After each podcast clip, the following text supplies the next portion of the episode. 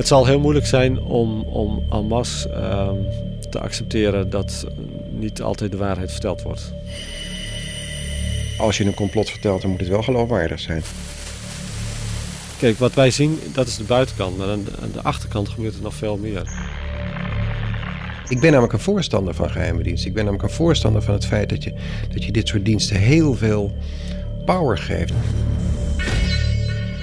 En ja, heel veel mensen die vinden dat op een of andere manier namelijk eng. En, en tegelijkertijd is het fascinerend. Hè. Er zit, er, er zit in, in de menselijke geest zit een element van paranoia. Als het duidelijk is dat, dat de wereld heel anders in elkaar zit dan dat we denken, dan zal dat eh, gevolgen hebben voor uh, ons democratisch uh, verkiezingsproces. Dus een complot is iets dat zich in het duister voltrekt en dat uh, te maken heeft met politieke criminaliteit. De, de moord van Fortuyn is bij mijn beste weten een complot.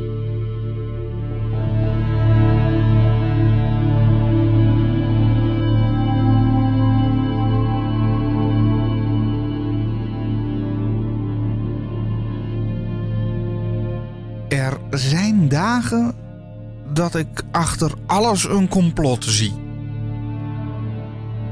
Want hoe kan het toch dat dingen gaan zoals ze gaan? Bijvoorbeeld het ingrijpen in Irak. Door de Verenigde Naties werd deze actie als illegaal beschouwd en toch gaat het gewoon door. En Nederland doet eraan mee. En dan ineens hebben we ook moslimterroristen in ons land. Die ook nog contact gehad zouden hebben met de vermoedelijke moordenaar van Theo van Gogh. Het kunnen allemaal op zichzelf staande feiten zijn, maar er kan ook een verband zijn. Een complot. Een complot dat ervoor zorgt dat veel mensen toch bang worden. Zo kan er extra geld naar leger en beveiliging. En wie heeft daar dan weer belang bij? Degene die geld verdient aan het zogenaamd veiliger maken van het land? Of is het toch geen complot? En zijn het gewoon een handjevol gekken die met hun acties het nieuws halen? Van die gekken die er eigenlijk altijd al geweest zijn. De recente publicaties over wat men dan noemt het moslimterrorisme of het fundamentalisme dat zich gewelddadig uit, dat geeft wel aan dat er een organisatie is en dus ook een complot.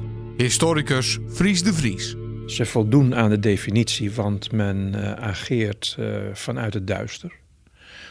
Er uh, is een moord gepleegd op klaarlichte dag. En degene die is gearresteerd, die overigens dat een beetje knullig heeft gedaan, want hij had zijn vluchtweg niet goed voorbereid. Wat je kan vergelijken met Volkert van der G. Die heeft duidelijk geopereerd vanuit een groep. De NRC van maandag 15 november geeft een volledig diagram, zou je kunnen zeggen, van mensen.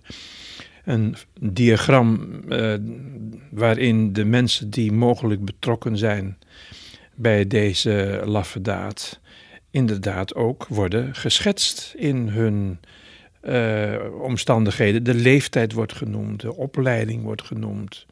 Daar is een begin van een organisatieschema. En het lijkt erop alsof dat zich dan organisatorisch in een aantal cellen uh, heeft uh, gehuld. En cellenbouw is een van de kenmerken van de complotten. Dat wordt dus vanuit een plaats elders aangestuurd. Naar verluid zou dat gebeuren vanuit Spanje. in Spanje zouden er diverse vertakkingen zijn, ook naar Casablanca toe en ook naar andere landen om uh, jonge mensen die daarvoor ontvankelijk zijn, uh, bereid te vinden om geweld te gebruiken tegen publieke personen die zich tegen de islam richten. Dus laat ik zeggen, de laatste ontwikkelingen wijzen toch heel duidelijk in de richting van een complot. Dat is al geen theorie meer in wetenschappelijk opzicht. Kan dit niet allemaal gedaan zijn om de angst een beetje aan te zwengelen. Als je denkt dat er andere partijen een rol spelen, andere belangen een rol spelen dan vanuit deze uh, eh, geloofsrichting, dan denk ik dat dat een onjuiste benadering is. Ik geloof dus niet in een complottheorie achter het complot. Daar geloof ik niet in. Ik geloof dus niet in, uh, laat ik zeggen, uh, een staat in de staat of een partij in de staat die dit op het oog heeft. Dan zouden wij er wel zeer slecht voor staan, denk ik. Ik geloof wel in een theorie dat uh, de moslimfundamentalisten ageren vanuit een achtergesteld zijn. Als je het breed ziet, dan hebben uh, het Westen, in het bijzonder de Verenigde Staten, en wij hebben er ook aan meegewerkt, toch uh, de landen in het Midden-Oosten klein gehouden. We hebben alleen maar belang bij de olie die daar is en hoe de mensen zich daar dan in het stof moeten wentelen om ook enige welvaart te verwerven. Dat interesseert de meeste Westerlingen niet. Die laten alleen maar een autootje draaien.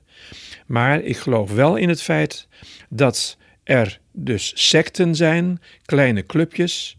Nou, Al-Qaeda en ga maar door. Die dan jongeren zo gek krijgen om dan de grote vijand, het Westen, Amerika, op alle mogelijke manieren aan te vallen, zwart te maken.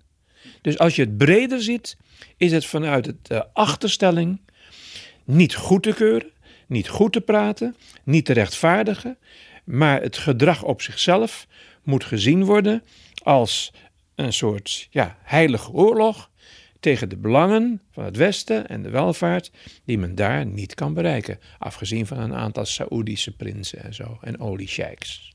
Nou, dan heb je ook meteen het antwoord uh, op dit probleem geschetst. Hè? We moeten de welvaart beter verdelen en dan zijn we van de narigheid af. Helaas is de westerse wereld niet bereid. Ik zie geen politieke partij die dat in het programma heeft staan. om de welvaart over de wereld te verdelen. Het is nog steeds zo dat uh, de meeste welvaart behoort bij een klein gedeelte in de wereld. En de meeste mensen leiden gewoon een leven onder of in de buurt van de armoedegrens.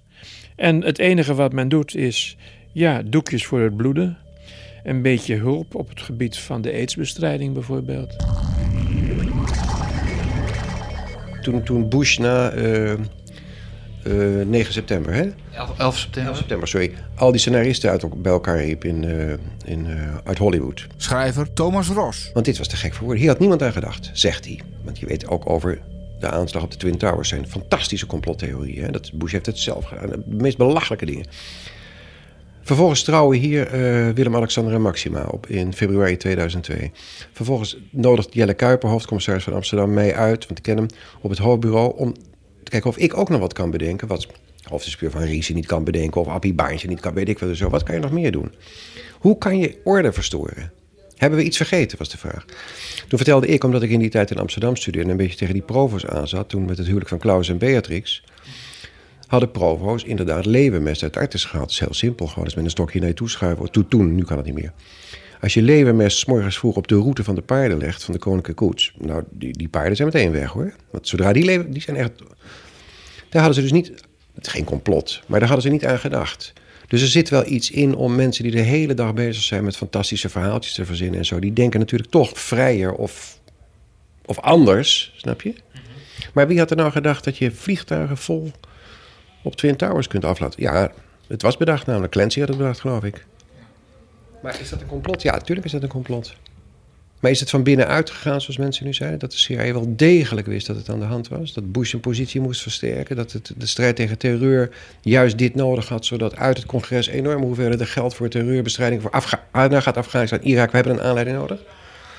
Maak de mensen bang en je ja, kunt investeren okay, in wapens. Okay, maar zet nou een rem even op je fantasie, want op, op een gegeven moment denk je ook gezond verstand. Zou die dat echt hebben gedaan? Ja, nou ja, god, er zijn mensen die dat geloven.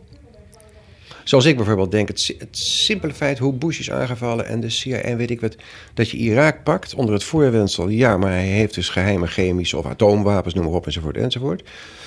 Heel even heb je het, het credit van, stel eens voor dat dat zo is, dan heb je gelijk, dan mag je hem pakken, maar ze vinden niks. Het beste bewijs dat Bush gelijk heeft, is dat ze, dat ze niks hebben gevonden. Want anders had ik gedacht, jezus ik krijg wereldwijd kritiek.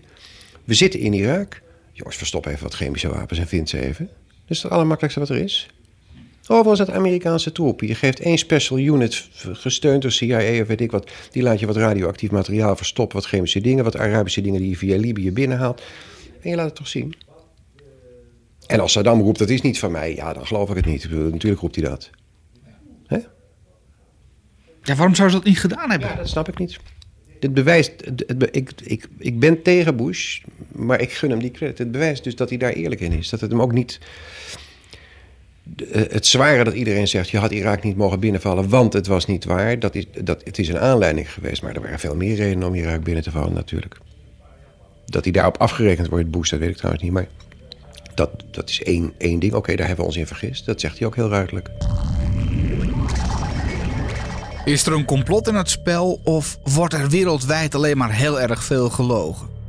En is liegen dan toch niet het begin van een complot, schuine streep samenzwering? Eh, Leugens op systematische leugens hoeven op zichzelf niet per se tot een samenzwering te leiden. Professor Maarten van Rossum. Want dan zou je dus moeten constateren dat de wijze waarop eh, de Verenigde Staten zijn begonnen aan de aanval op en de bezetting van Irak, dat dat in feite een soort overheidssamenzwering is geweest. Dat, eh, daar zou ik heel terughoudend mee zijn. Te meer omdat iedereen die bij zijn volle verstand was en een beetje had opgelet in, die, in deze periode, in deze jaren, kon weten dat die, dat die gewoon werd voorgelogen door Cheney en Bush en al die andere bekwame leugenaars die ze daar, eh, die ze daar in dienst hebben. Dus dat, dat Maar dat neigt toch een beetje naar het complotterige, laat ik het maar zo zeggen. Complotterige, je vindt vaak complotten bij mensen met extreme politieke opvattingen. Het zij ter rechterzijde, het zij ter linkerzijde. Ter linkerzijde hadden we altijd het bekende complot in Nederland, bijvoorbeeld de 200 van Mertens.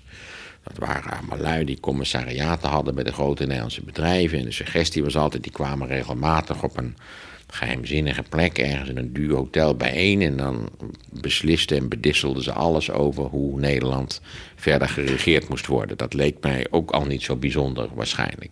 In Amerika heb je met name allerlei rechtse eh, eh, ideologen eh, of ultrarechtse ideologen die denken dat de United Nations eigenlijk de bedoeling hebben om de macht in Amerika over te nemen. Die hebben daar ook de malste ideeën over. Maar goed, je hebt ook links, links hè, dus uitgesproken Marxisten hebben ook vaak het idee dat de wereld gestuurd wordt door de kapitalisten. Of, nou ja, door relatief kleine groepen die precies weten wat ze doen. En ik denk dat de werkelijkheid oneindig veel complexer is. En dat er eigenlijk heel weinig kleine groepen zijn die precies weten wat ze doen. Types die boven ons zouden staan. Nee, dat, dat idee van de matrix, nee, dat we hier allemaal in feite gemanipuleerd zijn. Of je zou, kijk, ieder, voor iedereen die gelooft in een almachtige God en een gedetermineerde wereld, hè, dat is, ik geloof, een beetje het orthodox-Calvinistische wereldbeeld, dat is per uitstek een totaal paranoïde wereldbeeld. Want daar, daarin kun je doen en laten waar je zelf zin in hebt, maar het is gepredestineerd en zo is het en niet anders. En God wil het zo en God is almachtig. Dus ja, dan, dan, dan leef je in, in, in, in feite in de wereld van de Matrix, maar dan in een wat ouderwetser modelletje.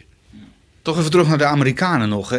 Ja, zij doen er toch ook alles aan om, om, om het volk te beïnvloeden. En eh, met dat Fox-televisiekanaal wat ze hebben, hè, om angst te zaaien. Dat kan toch ook een onderdeel zijn van een complot? Want als de mens bang is, dan heb je alle reden om meer wapens aan te schaffen. Ja, ik geloof niet dat dat een complot is. Kijk, als u zegt van deze Amerikaanse regering is de meest leugenachtige sinds Richard Nixon's eh, club daar zat, zeg ik dat is, daar heeft u volkomen gelijk in. Maar het opmerkelijk is natuurlijk, zoals ik net al zei, dat iedereen die een beetje heeft opgelet, een beetje de krant heeft gelezen, die zelf kan nadenken, direct kan zeggen, ja, het is allemaal manipulatie en, en, en leugens in feite. Alleen, we moeten, is een hele, op zichzelf is dat een enorm droevige constatering, dat de Amerikaanse regering erin geslaagd is in een democratisch land. Met een kritische pers. En ik heb nu mijn vingertje geheven om nadruk te geven, al kun je dat natuurlijk niet zien op de radio, maar toch, eh, daarom zeg ik het maar even, eh, dat een democratisch land met een kritische pers, daar is het mogelijk dat de regering jarenlang systematisch en structureel liegt over een reeks van wezenlijke beleidskwesties. en dan zie je toch dat iets meer dan de helft van de bevolking het gelooft. Wist u dat nog steeds ongeveer de helft van de Amerikaanse bevolking gelooft dat Saddam Hussein de aanslag op de Twin Towers heeft veroorzaakt? Dat is het gevolg van het systematisch en brutaal liegen van de Amerikaanse regering. Is dat een complot? Nee. Want u weet dat het gelogen is. Ik weet dat het gelogen is. Iedereen die Bush een lul vindt, weet dat het gelogen is. Het is in feite alleen door, door mensen die ideologisch zich verwant voelen met deze regering, die zeggen het zal wel waar zijn. Maar dat, zie, dat is geen complot. Een complot is toch iets wat je in het duister doet. Hè? Wij, wij gaan een complot verzinnen. Wij gaan iets verschrikkelijks doen.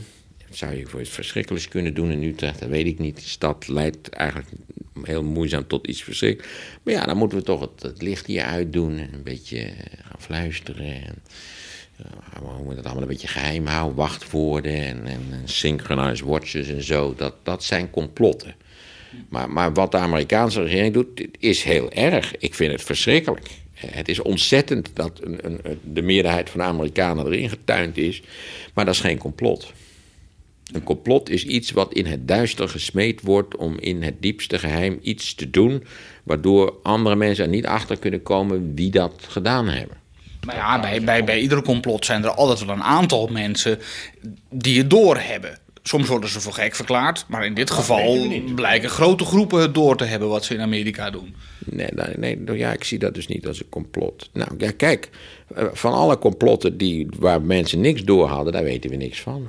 Dat per definitie niet. Er zal, wat ik al zei, meestal zijn die complottheorieën de grootst mogelijke lulkoek, maar er zal best wel eens een complot zijn geweest in, in de geschiedenis wat, wat geslaagd is. En je kunt een complot smeden om iemand te vermoorden. Dat, dat, eh, we hebben, nou, wanneer is dat? Ja, die Servische politicus, uh, is vermoord. Dat, dat kun je als een complot zien. Ten slotte zijn een aantal van die mensen zijn gepakt, maar dat was een soort complot. En je zou zelfs de aanslag op de Twin Towers als een soort complot kunnen zien. He, namelijk in het diepste geheim, maar plannen gemaakt en uh, uitgevoerd en betaald enzovoort. Dat zijn complotten. Nou ja, ik, ik vind een leugen, liegen om, om ja, uh, je zin door te drukken. Nee, dan, want dan, ja, dan zit je met zo'n boel, dan, dan, uh, dan hangt de wereld van complotten aan elkaar. Want natuurlijk, er wordt voortdurend op alle niveaus door vrijwel iedereen wel ergens over gelogen. Dus dat, daar, moet je toch, daar zou ik zeer terughoudend mee zijn.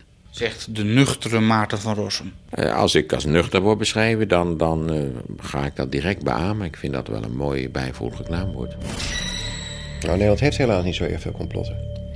Kijk, heel, eh, en dat is afgelopen nu, want die, je weet er is maar één ding in de Nederlandse geschiedenis gebeurd wat de moeite waard is. Dat is de Tweede Wereldoorlog, geloof ik. Hè? Verder doen we niet zoveel. Thomas Ros. De Himalaya in onze geschiedenis is altijd die oorlog. Schrijft er een boek over en het verkoopt. Maakt er een speelfilm over en verkoopt ook nog, zal ik maar zeggen. En het grote complot in Nederland wat gespeeld heeft, maar wat internationaal was, was het Engelandspiel. Waarbij agenten, Nederlandse agenten vanuit Engeland naar bezet Nederland werden gedropt. Daar in handen vielen van Duitsers door de Duitsers gedwongen werden terug te zijn naar Engeland dat ze veilig waren aangekomen. Dat die gevangen genomen agenten wel voorbereid waren op een eventuele Duitse gevangenschap en altijd wat je noemde een security check in hun radioboodschappen naar Engeland stuurden. Die de Duitsers kenden, niet kenden. In elk geval deden die jongens dat wel. Die stuurden dus expres hele kleine foutjes erin, die Duitsers misschien niet geweten hebben. Dus in Londen kwamen steeds berichten binnen van Nederlandse agenten met de security check erin. Die deugde niet, die was er niet. Dus wist Londen, godverdomme, ze zijn er vanuit Duitse gevangenschap. Ze spelen een spel met ons. Ja?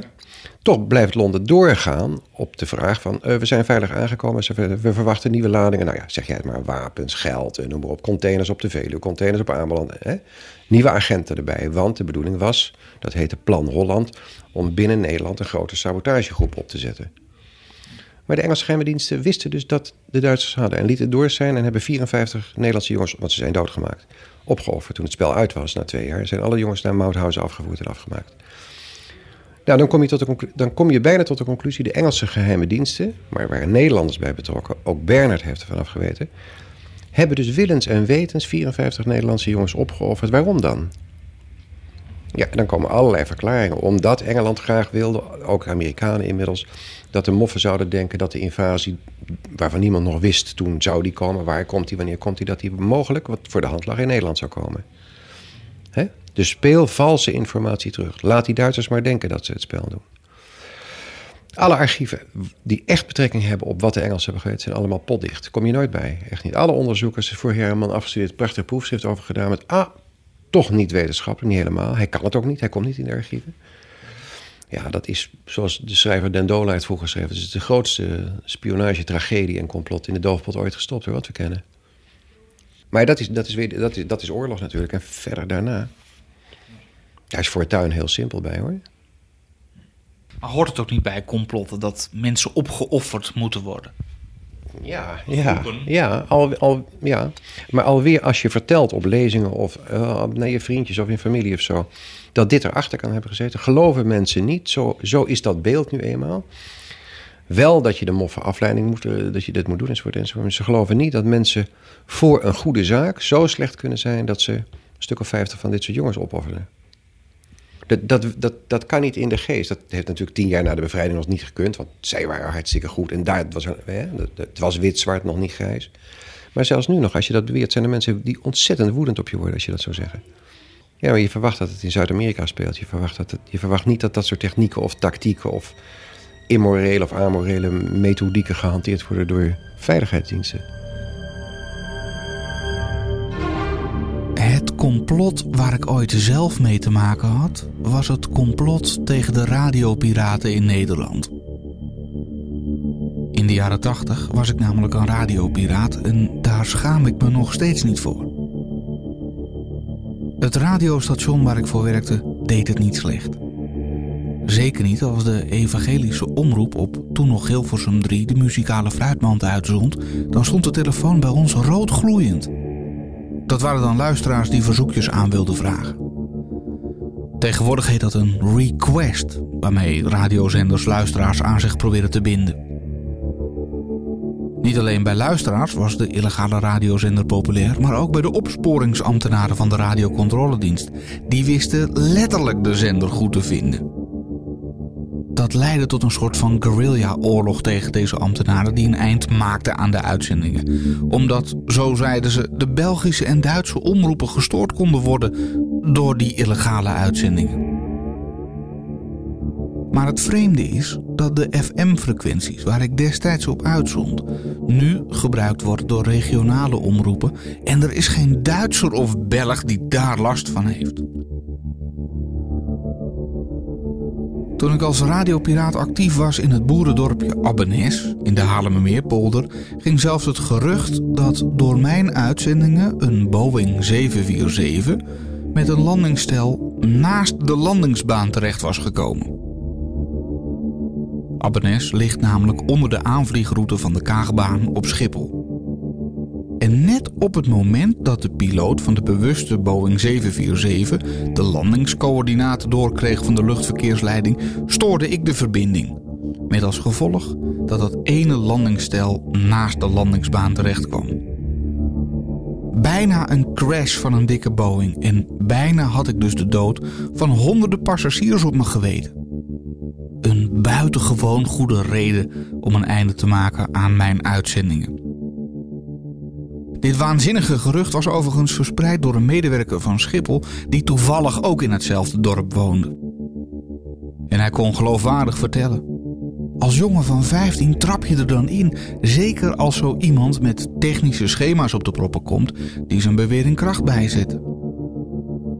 Inmiddels ben ik wat meer thuis in de radiotechniek en weet ik dat ieder vliegtuig in geval van storing altijd over kan schakelen op een noodfrequentie en dat het landingsstel naast de landingsbaanverhaal grote onzin is. Toch werd er met een zekere regelmaat een einde gemaakt aan mijn uitzendingen. Helemaal toen ik met mijn ouders mee verhuisde op 17-jarige leeftijd naar Hilversum. In Hilversum was ik te horen op diverse piratenzenders. Al wilde ik zelf absoluut niet als piraat worden afgeschilderd, want de zenders die we gebruikten kwamen bij een bedrijf vandaan dat deze zenders ook maakte voor de Europese markt. Die apparaten werden dus goedgekeurd gebruikt in met name België en Frankrijk. En uitgerekend hier in Nederland zouden ze storen en veel ellende veroorzaken. Er moest dus haast wel wat anders aan de hand zijn. Ik had wel een vermoeden, de officiële omroep in Hilversum, waar ik nu zelf voor werk, kreeg destijds in de gaten dat veel luisteraars afstemden op die zogenaamde niet-officiële zenders. En daar moest natuurlijk een einde aan komen. Maar bij een inval werd dat nooit gezegd. De reden was altijd storing bij een of andere dienst of storing op een officiële zender. Terwijl we dus professionele zenders gebruikten die altijd afgestemd waren op vrije frequenties. Frequenties die nu gebruikt worden door regionale omroepen. Over dit radiocomplot kan ik zo af en toe nog boos worden.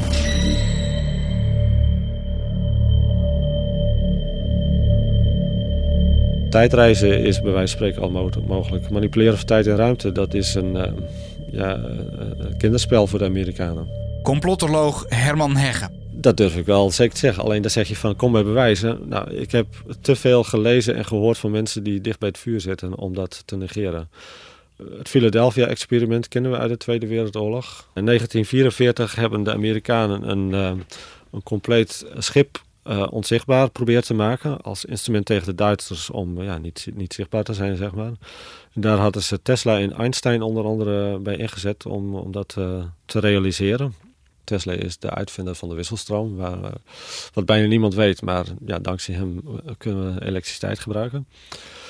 Het neveneffect was dat het schip niet alleen onzichtbaar werd, maar ineens in een ander tijdperk terechtkwam, 40 jaar later, in 1984.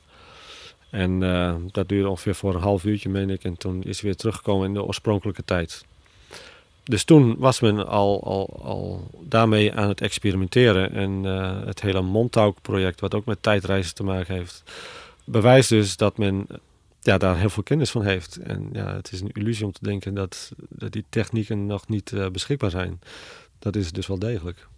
Nou, we hebben hier een boek over de maanlandingen bijvoorbeeld liggen. Daar heb je heel veel informatie, maar ook heel veel desinformatie.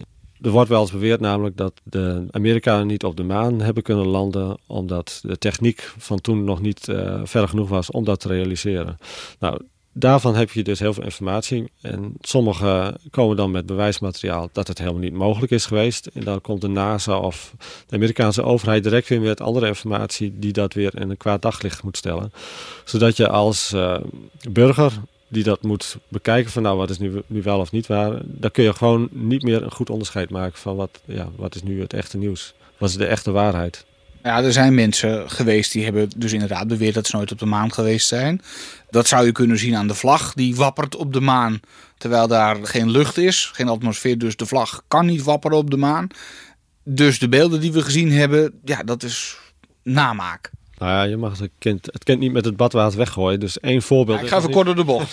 Eén voorbeeld is niet voldoende natuurlijk. Uh, de wapperende vlag vind ik zelf niet zo'n sterk uh, bewijs. Omdat uh, ja, als je een beetje aan zo'n stok wrikt, dan gaat de vlag wapperen. Maar er zijn andere bewijzen die, die belangrijker zijn. Bijvoorbeeld niet parallele schaduwen. Maar wat, wat vooral belangrijk is, belangrijk is, als je een, een foto aan de schaduwzijde maakt op de maan, dan is het daar pikdonker, want je hebt daar geen atmosfeer. Dus de luchtdeeltjes die daar niet aanwezig zijn, die kunnen niet voor een diffuus licht zorgen. Dus aan de schaduwkant is het pikdonker. En als je uh, foto's op de maan ziet aan de schaduwkant, dan is het uh, alsof het in helder zonlicht genomen is. Nou, dat, dat is een voorbeeld. Als je kijkt naar de, de maanlander, onder de maanlander zou een, een kratertje ontstaan moeten zijn. Vlak voordat ze gaan landen, zoals de remraket ervoor, dat hij zacht landt. Nou, je weet dat uh, een, een, raket enorm veel uh, power heeft, dus die moet daar een, een gat in slaan. En er zaten geen gaten onder. Geen gaten onder. Nee.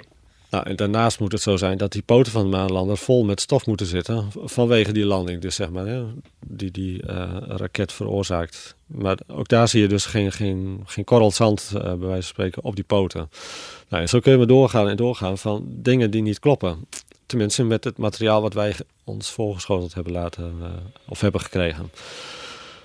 En daar zet je dus vraagtekens bij van nou, klopt het nu wel, klopt het nu niet? Nou, en hier hebben we dan een boek van, van David Percy. Dat is een boek van nou, hoeveel bladzijden?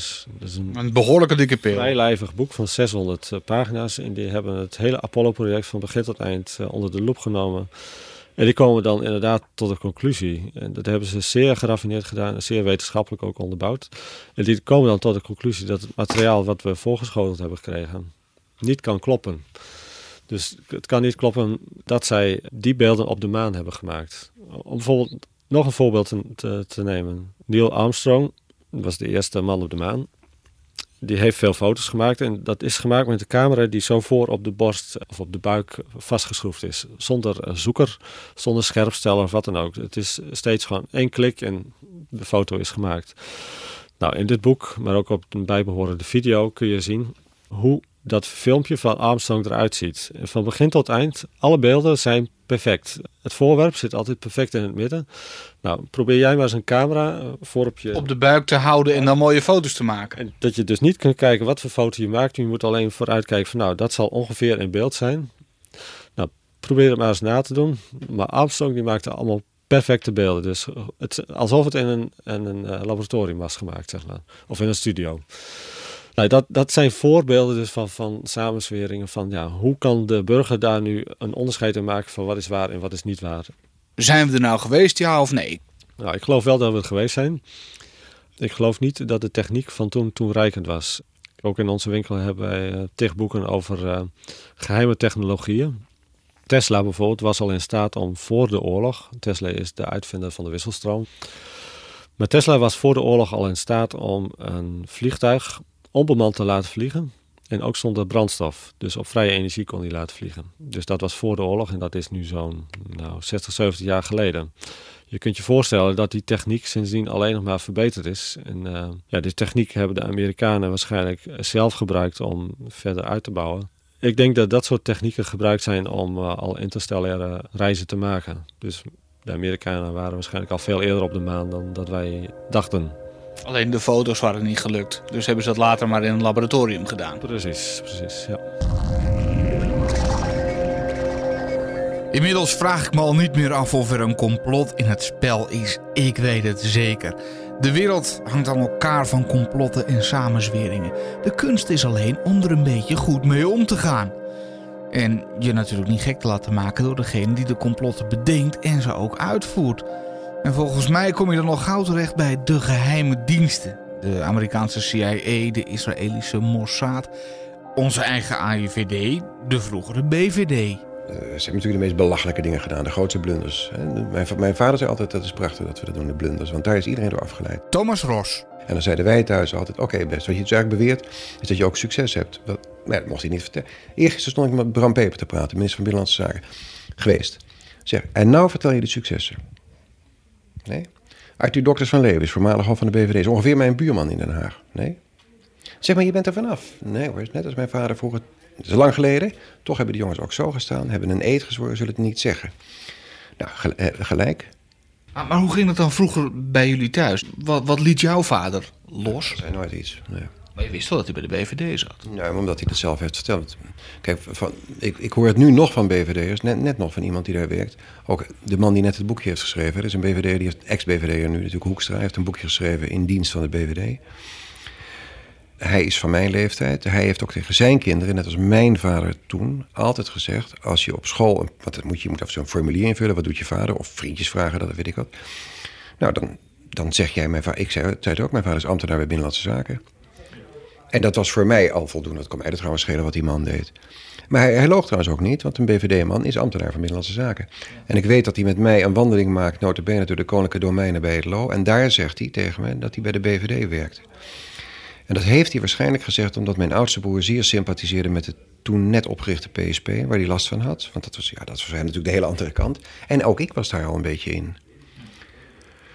En toen, ik weet alleen dat ik over de grond, ik, eh, gillend van het lag op die bosgrond, op die, op die, op die liggen rollen. Want ik geloofde dat ook helemaal niet. Mijn vader bij de BVD, wat, en wat, wat, je, het enige wat je hoorde was blunders. Het waren toch dikke ambtenaren op spekzolen die altijd verkeerde studenten Russisch arresteerden. Dat was, hoezo? Je ging je bijna schuimen voor je vader. En verder heeft hij nooit wat gezegd eigenlijk. En sterker, toen ik die boek al had geschreven... en eh, ben ik ergens in de jaren tachtig... toen werd de dubbelspion King Kong opgegraven in Rotterdam... omdat er aanwijzingen zouden zijn dat de kist leeg was. Toen werd ik opeens gebeld door een journalist van het Haarlems Dagblad... en die zei, klopt het dat uw vader King Kong heeft gearresteerd en verhoord? Toen dacht ik, wat krijgen we nou? waarom is dat zo? Dus ik was dus zo de mythe... Mijn, moeder, mijn vader was er al lang naar mijn moeder toe en zei... maar moet je eens luisteren. Ik had al een doorslag van een procesverbaal. Op zo'n lekkere oude schrijfmachine met carbonpapier nog. En daaronder inderdaad hoofdinspecteur... Uh, bureau Nationale Veiligheid, PG Hogener. Dat is mijn vader. Dus ik laat aan mijn moeder zien, 45, 46, pa King Kong. Buiten dat King Kong heel vreemd dood is gegaan. Of die daar... En mijn moeder zei, ik weet, ik weet er niks van. Dus ik zei, hoe, was jullie huwelijk eigenlijk? Nou, dat was wel goed hoor. Mijn vrouw zei tegen niemand wat, helemaal niet. Nooit geweten. Nou ja, zoals ik nu nog loop te zeiken van... mag ik het personeelsdossier nou eens hebben van mijn vader? is een van de eerste, 1945 wordt het opgericht. Nee. Ik heb twee blaadjes gekregen tot 1961. Nou, dat is één en al zwart. Ja, ik, zijn geboortedatum weet ik, maar die wist ik al. Je zou zeggen, uh, successen uit het verleden, daar, kan hij dan toch wel iets over zeggen? zeggen ze niet. De successen die wij weten van de BVD, weet je van de zusterdiensten. Dat de CIA altijd complimenteus is. Dat ik inderdaad KGB, dus de oude Russische geheime dienst, herhaalde malen heeft gezegd: Nederland is geen prettig terrein voor ons. BVD is zeer goed. Dat hebben ze altijd als een groot compliment gehad. Wat in kleine kring al bekend was, is dat de BVD een alternatieve communistische partij heeft opgericht in, in de jaren 50. Helemaal van de BVD. Ontvangen door Chu Enlai op het plein van de Hemelse. Toen, dat is een ontzettende knappe operatie geweest. We willen weten wat leeft er, hoe gaat het internationaal. Dat is, dat is een, een, perfecte operatie. Kan je alleen maar diep je pet voor afnemen. Dus niet, ik heb het niet over moreel, of dat dan goed is om te doen. Maar technisch is dat een volmaakte operatie. Helemaal alleen gedaan. Maar ook een complot natuurlijk. Er is daar iemand gekomen en die heeft gezegd: Moet je luisteren, laten we een alternatieve communistische partij oprichten. Laten we kijken of we studenten en zo. Het is een roerige tijd, jongens. Ze lopen overal achteraan. Dat kunnen wij toch ook? En dan kunnen we zo misschien binnenkomen bij een Chinese ambassade. Hoe gaat het daar? Dan hebben we een man in Peking. Nou, reken maar. Dat, dat was, ik ken wel van, van dat soort oude mannen nog allemaal een raar soort ooms geweest. Dat je dacht, dat is James Bond. Dat is toch James Bond? En het is toch godverdomme gedaan? Dat is perfect. Dat is prachtig. Waar zouden ze nu mee bezig zijn op dit moment? Nee, ik heb, ik heb heel uitvoerig met dokters van Leven zitten praten toen hij wel hoofd was. Zei hij nog niks natuurlijk hoor. Maar waar toen al, dus 19, ik geloof hij in 1992 weggegaan, dus ongeveer in die periode. Toen al was de aandacht van de BV natuurlijk helemaal weg van het communisme. Het bestond al niet meer, de muur was gevallen. Toen al waren ze ontzettend eh, gefocust op de islamitische migranten. Maar vooral toen op Teheran en alles met Rotterdam te maken. Omdat Rotterdam zo'n ontzettend makkelijke doorvoerhaven is. Waar je alles in containers, weet je wel, geheime wapenstoestanden. Maar dan kleine onderdelen die je niet kunt combineren. Maar eenmaal gecombineerd zijn ze net. En die werden dan van Rotterdam naar Hamburg. En van Hamburg naar Tripoli. En van, dat, daar waren ze erg mee bezig. En waar ze nu mee bezig zijn, is natuurlijk alleen maar infiltreren in. Proberen te infiltreren in. Ja, wat moskeegroepen. Uh, analoog aan wat we dus nu weten van die Hoekstra, maar wat in kleine kring al bekend was. Je hebt een eigen CPN opgericht.